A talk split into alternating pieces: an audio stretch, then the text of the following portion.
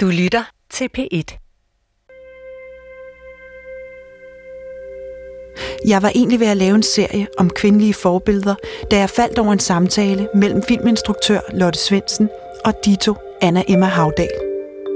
Jeg har en vis foragt over for fedme hos mine børn, hos mig selv og i mine omgivelser. De to kvinder fortalte om deres foragt for den tykke krop og deres bekymring for at udstråle svaghed ved at tage på. Jeg føler mig også lidt svag i virkeligheden. Den skizofrene tilværelse som succesfulde filminstruktører, der mest af alt er optaget af, om de er tynde nok. Hvad gør du nu? Nu har du taget, siger du, 7 kilo på, mens du har lavet Doggy Style 2. Og dermed gode nok. I virkeligheden ser jeg mig selv med andres øjne. Som en klam og dum lille person, der ikke er god til noget. Samtalen oprørte mig vildt. De to kvinder brød for mig at se et kæmpe tabu, men udsendelsen efterlod mig hængende i luften. Ikke underligt, at det er så svært at finde kvindelige forbilleder, tænkte jeg, og besluttede mig for at ringe til dig, Anna Emma Havdal. Det er Anna Emma. Hej Anna Emma, mit navn er Alberte Clement Meldal. Jeg ringer fra Danmarks Radio. Forstyrrer jeg dig? Nej. Mm, Jeg ringer til dig, fordi jeg vil høre, om du har lyst til at være med i en serie om øh, kvindelige forbilleder. Eller det vil sige faktisk om øh, angsten for at blive tyk. Hvad? Den tror jeg lige, jeg skal have igen. Jeg vil invitere dig til at undersøge, om vi kvinder i virkeligheden lever på en løgn, når vi tror, at vi bliver glade af at være tynde, og om det er et ideal, vi ønsker at give videre til vores døtre.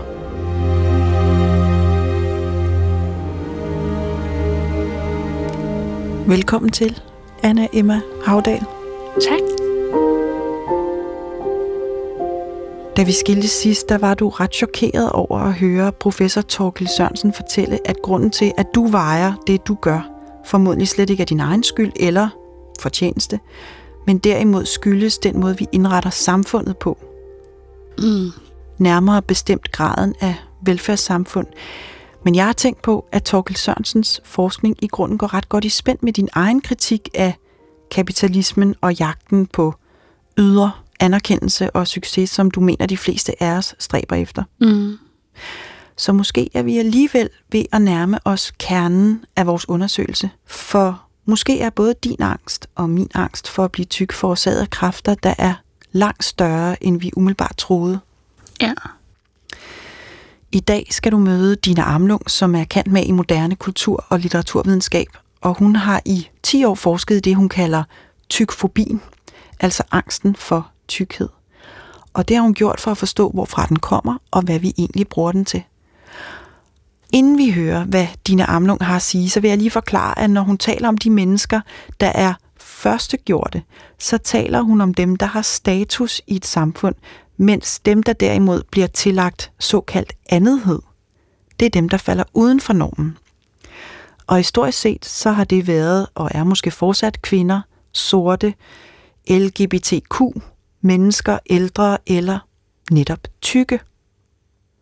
Og jeg startede med at spørge Dina Amlung, hvornår tykfobien opstod i den vestlige verden. Tykfobien har altid eksisteret i den vestlige kultur. Vi har haft den siden antikken. Øh, der var græske filosofer, som sagde, at øh, the fullest mind is in the emptiest body. Altså, at, at man kan ikke være, være klog, hvis ikke man er tynd. Og, øh, og det er ligesom en, en idé, man har holdt fast i siden. Og man kan også se i antikken, at man dyrker den, øh, den slanke, muskuløse, kropskapable krop, og at man også har shapewear. De havde en blanding af øh, en vest og et bælte af nogle øh, kæder af metal og noget læder, og den blev brugt til at snøre kroppen ind inden under øh, tøjet, og nogle gange uden på tøjet. Og det vil man jo ikke gøre, hvis det på nogen måde ikke var problematisk at være tyk, fordi det er meget ubehageligt at have sådan noget på. Og vi kan også se, øh, når den vestlige kultur fortsætter op i tiden i middelalderen, at der havde man også shapewear. Der syede man øh, en slags lameller af øh, knogler eller træ ind i tøjet, i undertøjet, og så øh, brugte man det til sådan at snøre kroppen ind. Og på det tidspunkt i, øh, i middelalderen, der tog man jo dødssynderne meget, meget alvorligt. Og to af dem er dogenskab og grådighed, som man altid har forbundet med tykke mennesker. Så det var sådan en, øh, man var sikker på, at de tykke mennesker kom i helvede. Og det har jo givet dem en, en ikke så god position i, hvad skal man sige, det jordiske liv. Øhm, når vi kommer op i renaissancen, der udvikler de for alvor noget, noget shapewear, som, som er, er helt vildt. Øh, I England opfinder man, opfinder man Tudor-korsettet, som er lavet af jern, og som giver sådan en helt flad forside. Øh, I Frankrig på det her tidspunkt, der var det øh, forbudt at komme ind på hoffet, hvis man havde en tyk mave. Og, og det var altså lige meget, om man også var markis eller baron, eller greve. Så tyk en trumfer faktisk det der meget øh, rigide øh, klasse opdelte samfund på den måde. I barokken har vi en idé om, at der var det okay at være tyk, og det er på grund af Rubens malerier og andre af hans samtid, men især Rubens også på grund af begrebet rubenesk, som i vores samtidssprog betyder en tyk kvinde. Men, men det er ikke tilfældet, for når vi kigger på Rubens, og også hans, hans andre samtidige øh, malerkolleger, så kan vi se, at når han maler skønhederne, når han maler øh, Athene, Afrodite og Hera osv., så, så maler han kvinder, som, som ikke er tykke. Så maler han nogen, der ligner Kate Winslet eller Drew Barrymore nogen, som kan gå på gaden en dag, uden at blive råbt af. Og, og Hollywood-skuespillere i ja, øvrigt. Ja. ja, lige præcis. Øhm, og noget, som også er vigtigt øh, at se på, når vi taler skønhedsideal og 1600-tallet og Rubens, det er, at på det her tidspunkt i historien, der er kvinder endnu ikke det smukke køn. Det er en social konstruktion, der kommer 100 år senere. Øhm, på det her tidspunkt, når Rubens og hans samtidige maler, så er mænd det smukke køn, fordi mænd er skabt i Guds billede. Og øh, smukkest af alle mænd, det er jo Jesus, fordi han både er Gud og mand på samme tid. Og der findes jo ikke nogen tykke Jesus-malerier. Hvis det var rigtigt med den der myte om, at i gamle dage, der, der gav det status at være tyk. Mænd, som var tykke, det havde status, og kvinder, som, som var tykke, det var skønhed. Det passer simpelthen ikke, fordi så ville man have gjort Jesus tyk, fordi man gjorde ham hvid, man, gjorde ham i, man gav ham tøj på, der var sådan næsten moderne. Man gav ham simpelthen så meget førstighed, som man kunne. Og Jesus på Rubens malerier, ligner jo altså Brad Pitt og alle de andre skønhedsidealer. Sådan med sådan nogle, øh, hvad hedder det, sixpacks, altså ja. trænede mavemuskler, og altså i det hele taget tynd, man kan se alle hans muskler, ikke? Ja, ja, ja sådan det der øh, fascistoide kropsideal, som vi altid har haft med de græske statuer, med Jesusmalerierne, med, med Hollywood i dag, osv. Hvis du nu skulle sige, hvad er det, hvad, hvad symboliserer tykkhed i vores øh, populære kultur? Altså, hvad, hvad, øh, hvad forbinder vi det med? Tykkhed øh, kan bruges som symbol på alt det, man ikke kan lide. Så øh, for eksempel på venstrefløjen, så ser man den tykke kapitalist. Øh, det er især tidligere tiders venstrefløj, men i dag ser vi det også. Så, så taler man om, at, øh, at tykkheden er bevis på alt, hvad der er gået galt med kapitalismen, konsumerisme, individualisme. Det moderne samfund, der har fejlet, det kan vi se, fordi tykkhed. Øh, samtidig på højrefløjen siger man det samme. Så siger man, øh, tykkheden, den, altså den bruger man i, i karikaturer på øh, nasserne i velfærdssamfundet, eller mennesker, der ikke er konkurrencedygtige. Og alt, hvad de synes er galt på højrefløjen, det kan også bruges. Der kan man også bruge tykkheden som symbol. Øh, jeg har også set karikaturer, som, som, som kom under, under Pride-ugen øh, øh, i tidens løb, hvor det er sådan, at de tykke småborgere, der ikke forstår, hvor vigtigt det er. Samtidig har jeg også øh, på højrefløjen set karikaturer på Priden, som så er den tykke læderbøsse. Og, så man kan altid bruge tykkheden på det, som man ikke kan lide. Og det har, det har man altid gjort. Det kan man se. Jeg har fundet karikaturtegninger tilbage til, da man øh, begyndte at kunne trykke og bevare øh, tegninger. Så, øh, så det har vi altid gjort. Man kan se, at øh, sådan en som Shakespeare, bruger tykkheden som comic relief, øh, på samme måde som Hollywood-film gør det i dag. Han har for eksempel karakteren Falstaff, som er sådan en, øh, en publikum-favorit, der går igen i flere tragedier og en komedie. Og for eksempel i, øh, i Henry the øh, der siger Falstaff, There live not three good men unhanged in England, and one of them is fat. Så det han siger er, at der er færre end tre, altså to, og den ene er tyk, det er ham selv. Så der er kun én god mand tilbage i England, en der ligesom kan tage vare på landet. Og det skal siges som et comic relief, sådan er tragedier jo bedst. Man kan også se øh, et øh, gammelt eksempel som øh, den første roman, der nogensinde er trygt, øh, Don Quixote af Cervantes, som kom i øh, 1605 der er det jo også den her mand, som er fra forstanden, der slås mod vindmøller og så videre, og hans hjælper, Sancho Panza, som er tyk og, og ulækker. Det er også noget, det man forbinder med tykkhed, sådan ulækkerhed, usøgnethed. Øh, og det er de to, der kan følges ad. En, som er fra forstanden, og en, som er tyk. Det, det er dem, der skal slå følgeskab og komme ud på den her absurde færd. Og øhm, det har vi altid set. Vi har altid brugt tykkheden som, som billede på det, vi ikke kan lide. prøv lige at se her, Anna Emma Havdal. Jeg har fundet nogle billeder af Peter Paul Rubens, som er den her hollandske maler fra 1600-tallet, som førte an i barokken i Europa, øh, som Dina Amlund taler om. Her er billeder af Jesus på korset, mm. som hun synes ligner Brad Pitt. Hvad siger du til dem? Det er jo rigtigt nok, han er en flot fyr. Ja. Han er ikke tyk. Nej, det er han bestemt. Han er muskuløs. Meget muskuløs og afklædt. Det, det går meget langt ned, det der klæde. Nej, det, det tror jeg lige, jeg skal se. Det er sådan meget seksuelt. Det er øjnene, der ser. jeg kigger nedad. jeg, jeg lad os lige øh, for god ordens skyld også se nogle af de der billeder, som Dina Armlund øh, refererer til. Altså billederne af de græske gudinder og den nøgne kvindekrop. Prøv at se her. Hun synes, at de, de er ikke rigtig tykke. Hmm. Hvad er din vurdering? Nej, det er de ikke. Altså, men de er jo stadig, de er jo stadig sådan folder på en måde, som som ikke er idealet i dag, synes jeg. De er sådan lidt pastøse i det, vil jeg sige. Ikke? Sådan lidt dejagtige. Ja, det er nemlig meget dejet. Det er jo nok det, nogen vil identificere som erotisk buttet. Synes du, de er erotiske, når du jeg, kigger på dem? Jeg synes, de er meget erotiske. Anna, Emma, øhm, nu kan du jo ikke se, hvordan Dina ser ud fordi det jo er radio, det her.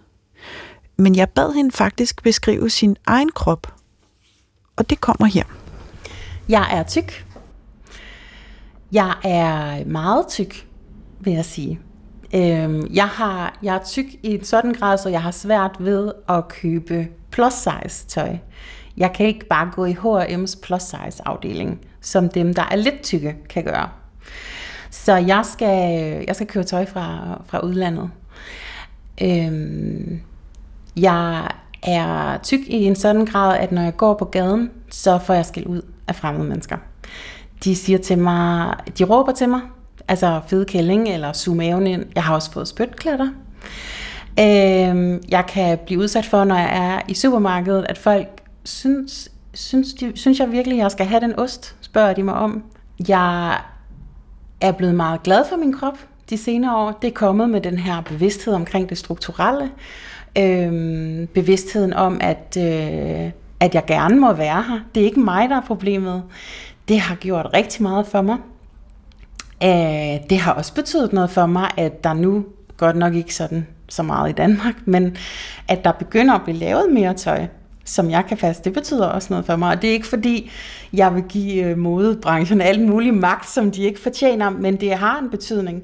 Og øh, ja, tyk er simpelthen, tyk er det neutrale ord, og det er sådan, jeg beskriver min krop. Mm. Ja. Fordi ordet overvægtig, det står i modsætning til ordet normalvægtig.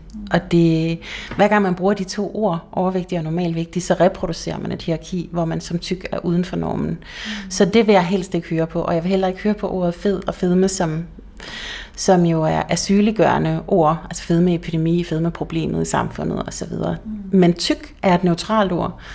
Øh, det er simpelthen bare beskrivende for min krop. Og det er et vigtigt ord, fordi vi har brug for ordet tyk i ordene tykfobi og tykaktivisme, for at kunne øh, sætte fokus på, at der ikke er lighed for tykke mennesker. Mm.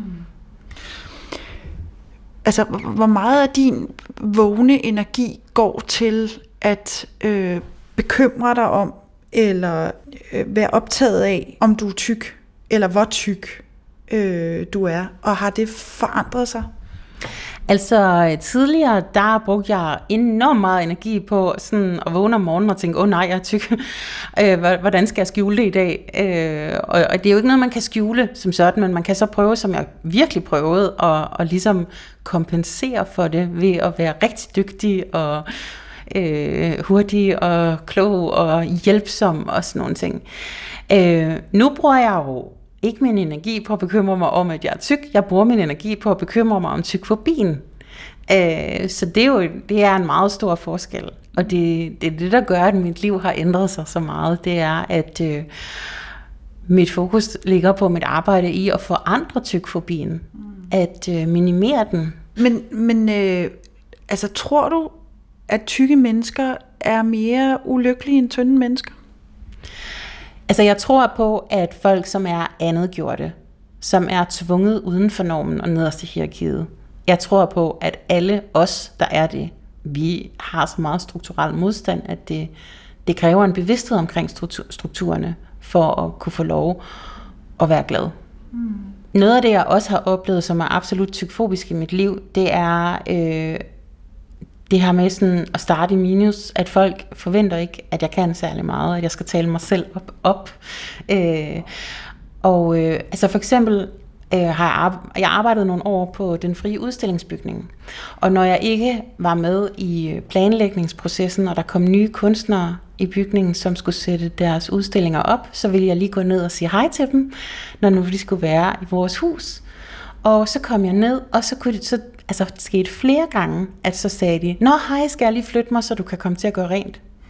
Fordi de kunne ikke begribe, at jeg som tyk kunne være akademisk personale. Jeg havde også her, øh, sidste søndag var jeg i operan, fordi jeg anmelder teater, og øh, så havde jeg øh, taget min øh, tykke ven, tyk aktivist ven med, og så kom vi ind, og så satte vi os der, hvor der jo var reserveret til pressen. Og så var der straks nogen, der kom løbende og sagde, der er reserveret til pressen, der er reserveret til pressen. Fordi det kunne jo umuligt være de to tykke, der kom, som, som kunne være pressen. Så, så det der med, at man hele tiden oplever den slags at man kan ikke være med i den her klub, øh, som jeg tænker er rasegjort for eksempel i meget høj grad, kan jeg genkende til. Altså det, det er da hårdt arbejde, det er da, det, det går der imod ens generelle livskvalitet, det er der, der er ingen tvivl om. Altså, denne her tyfobiske struktur, hvad skyldes den? Altså, hvorfor, hvorfor har vi behov for at udskamme øh, de tykke? Det handler jo om, at mennesket altid har gjort det her med at dele folk op i hierarkier. At der er nogen, der har ville have magten. At der er nogen, der har ville være bedre end andre. Så, så det er undertrykkelse? Ja, det er det der har altid været behov for at ydmyge og, øh, og latterliggøre mennesker. Og det kan man øh, jo se, at, at alle andethederne er blevet udsat for. De andetheder, vi har i dag, har jo, har jo altid været der, og, og de undertrykkende strukturer har altid været der. Man har altid... Øh, man har altid set ned på folk, som var uden for normen, uden for det, man havde besluttet var normen. Det er jo en social konstruktion, hvad der, hvad der er normen. Så, så, så det er en form for kontrol, altså for at opretholde magtstrukturer. Og, og når kvinder så er særligt udsatte i denne her struktur, kvinden i sig selv er en andenhed i forhold til manden, og så kommer tyk oveni, øh, så har man for alvor kontrol over øh, det kvindelige køn. Ja, det er absolut det. Vi kan også se det med andre andetheder, altså med, når man intersexerer tyk og transkønnet, tyk og racegjort øh, tyk og med et handicap, øh, så, så, så er der bare dobbelt op på strukturel modstand. Øh, og de har jo alle sammen med hinanden at gøre, det handler alle sammen om, om, om et ideal, der er hvidt og maskulint og heteroseksuelt. Og, ja. Anna Emma Havdal, er der resonans i dit indre for tykfobien, som hun beskriver? Altså er du også underlagt tykfobiske forestillinger? Det er jeg nok i, min, i mit tankemønster. Øhm, ofte kan jeg tage mig selv i det. Og for eksempel, så har jeg altid haft øhm, det rigtig svært med, at nogen skulle se mig spise en fransk hotdog. For mig, jeg har den vildeste pølsefetish. Jeg elsker pølser, og især franske hotdogs. Og jeg har tit købt franske hotdogs og spist dem i små, og ligesom gemt mig. Så det der med at købe en fransk hotdog fra en pølsevogn på strået, det er ikke noget, jeg har gjort så meget i mit liv. Fordi det var for afslørende, hvis jeg mødte nogen, jeg kendte. Og det har helt klart noget at gøre med, at jeg ikke vil betragtes som en person, der spiste den slags. Og lidt endnu værre, fordi jeg har betragtet mig selv som en, en tyk person. Så er det næsten værre at stå og spise en fransk hotdog, end hvis jeg var virkelig fedt og selv synes, jeg var toplækker. Så det er som om, så bliver det næsten lidt sexet at spise en fransk hotdog. Men fordi sådan har jeg aldrig følt mig selv, så blev det meget skamfuldt at stå og spise en fransk hotdog. Og hvad vil du tænke, hvis du så en tyk person spise en fransk hotdog på strøget? Jeg tror, jeg er opdraget øh, med, altså det er lidt hårdt at sige om min mor og far, men jeg er opdraget i sådan et miljø, hvor at det er skamfuldt at være tyk. Så min tanke som barn har nok været, uha, du burde skamme dig, som du står der og bliver endnu tykkere. Både fordi jeg er opdraget med, at man bliver tyk af at spise den slags junk food, men også fordi det at være tyk aldrig har været en god ting. Altid har været noget, man skulle arbejde med. Jeg har lyst til at øh, spille det sidste klip for dig med Dina Amnund. Øh, fordi da Dina først så tykfobien, da hun opdagede tykfobien og de undertrykkende strukturer, så følte hun sig øh, meget frigjort. Siden så har hun øh, arbejdet som tyk-aktivist. Det vil sige en aktivist, der kæmper for at synliggøre tykfobien for alle os andre og forandre strukturerne. Øh, og hun er blandt andet en del af det initiativ på nettet, som hedder Fed Front, og som jeg i parentes øh, gerne vil understrege ikke har noget med dokumentarfilmen Fat Front at gøre. Det var en film, der kørte i biograferne for noget tid siden. Øh, men prøv at lige at høre, hvordan hun beskriver den her frigørelse. Jeg havde det som om, at den skyld og skam, jeg havde levet med i min barndom, min teenageår og mine 20'er, at der fik jeg at vide, det er ikke dig, der har noget i vejen med. Det er den struktur, som har fortalt dig, at du er forkert. Det er den, der er noget i vejen med. Det var livsændrende. Det, det gjorde så meget for mig. Det, det, det er helt vildt. Altså, det... Kan du give et eksempel på, hvordan det kom til udtryk i din, i din dagligdag? Altså, når du vågnede om morgenen, eller når du spiste mad, eller når du gik på gaden? Eller? Altså, det der med folk, der råber en på gaden. Tidligere, når det skete, så blev jeg helt vildt skamfuld. Fordi det kan godt være, at jeg tænkte, at ham, der råbte af mig, han var godt nok uhøflig, og det var, det var dårlig opførsel fra hans side. Men han havde ret, og at han sagde bare det, som alle andre tænkte, og at det var mig, der var forkert, og jeg burde ikke være forkert. Når det, og jeg blev så ked af det, og jeg turde ikke at sige det til nogen, fordi det var jo mig, der var fejlen, så jeg gik jo ikke hjem og sagde det til nogen, som holdt af mig, som så kunne sige, nej, det var også forfærdeligt. Jeg, jeg gemte det bare helt alene og selv. Øhm, I dag, når det sker, så synes jeg stadigvæk, det er ubehageligt. Jeg er stadigvæk lidt bange for, hvad vedkommende ellers kan finde på. Man ved jo ikke, om de vil kaste med ting, eller hvad de kan finde på, men som regel er det jo bare en ubehagelig bemærkning. Og selvom jeg aldrig kommer til at tænke, at når det er bare alle tider, så er den forskel, der ligger i, at jeg tænker, det er ikke mig, der er problemet, det er strukturen, der er problemet. Og ham der, han er bare et symptom på strukturen. Det er en kæmpe, kæmpe forskel i mit liv. Hmm. Når, når du kigger rundt for at finde forbilleder i øh, mainstream-kulturen eller i populærkulturen, er, er der så overhovedet nogen? Altså er der nogen, hvor du tænker, hvor du tænker, hende eller ham kan jeg, kan jeg bruge til noget, også i kampen mod tyfobien? Lige nu har vi jo den helt store stjerne, Lizzo, som... Øh, Hvem er det? Lizzo er en amerikansk sangerinde. Hun er tyk, og hun er sort, og hun bruger øh, ordet fat, som jo er det neutrale ord på engelsk, fordi fatness er det neutrale navnord. Det bruger hun om sig selv, og hun, øh, hun er meget kropspositiv. Hun er ikke sådan så tyk-aktivistisk, hun er meget kropspositiv. Det handler meget om at elske sig selv, og hun prædiker sådan self-love og sådan noget til sine koncerter, og hun spiller tværfløjte og twerker på samme tid. Hun er fantastisk imponerende, hun er fantastisk smuk, hun er fantastisk charmerende. Hun synger virkelig godt. Hun er så dygtig, og hun er lige i tidsånden med den her kropspositivitet, og hun, øh, alle folk var blæst helt bagover på Roskilde, da hun var der. Øhm, og, og hun er en meget stor stjerne. Jeg så nogle t-shirts, med, man kunne købe på Instagram, som var I don't need therapy, I have Lizzo.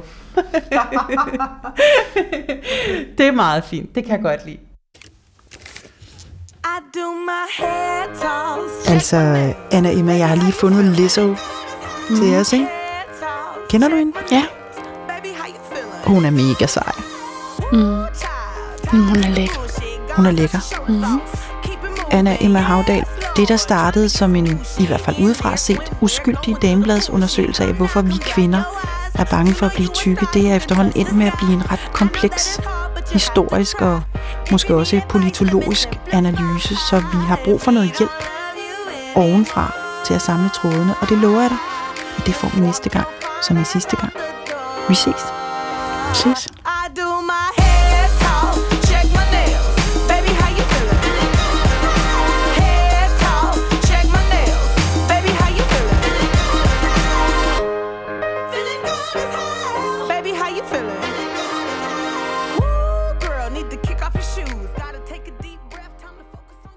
Du kan høre flere P1-podcasts i DR's radio-app. Det giver mening.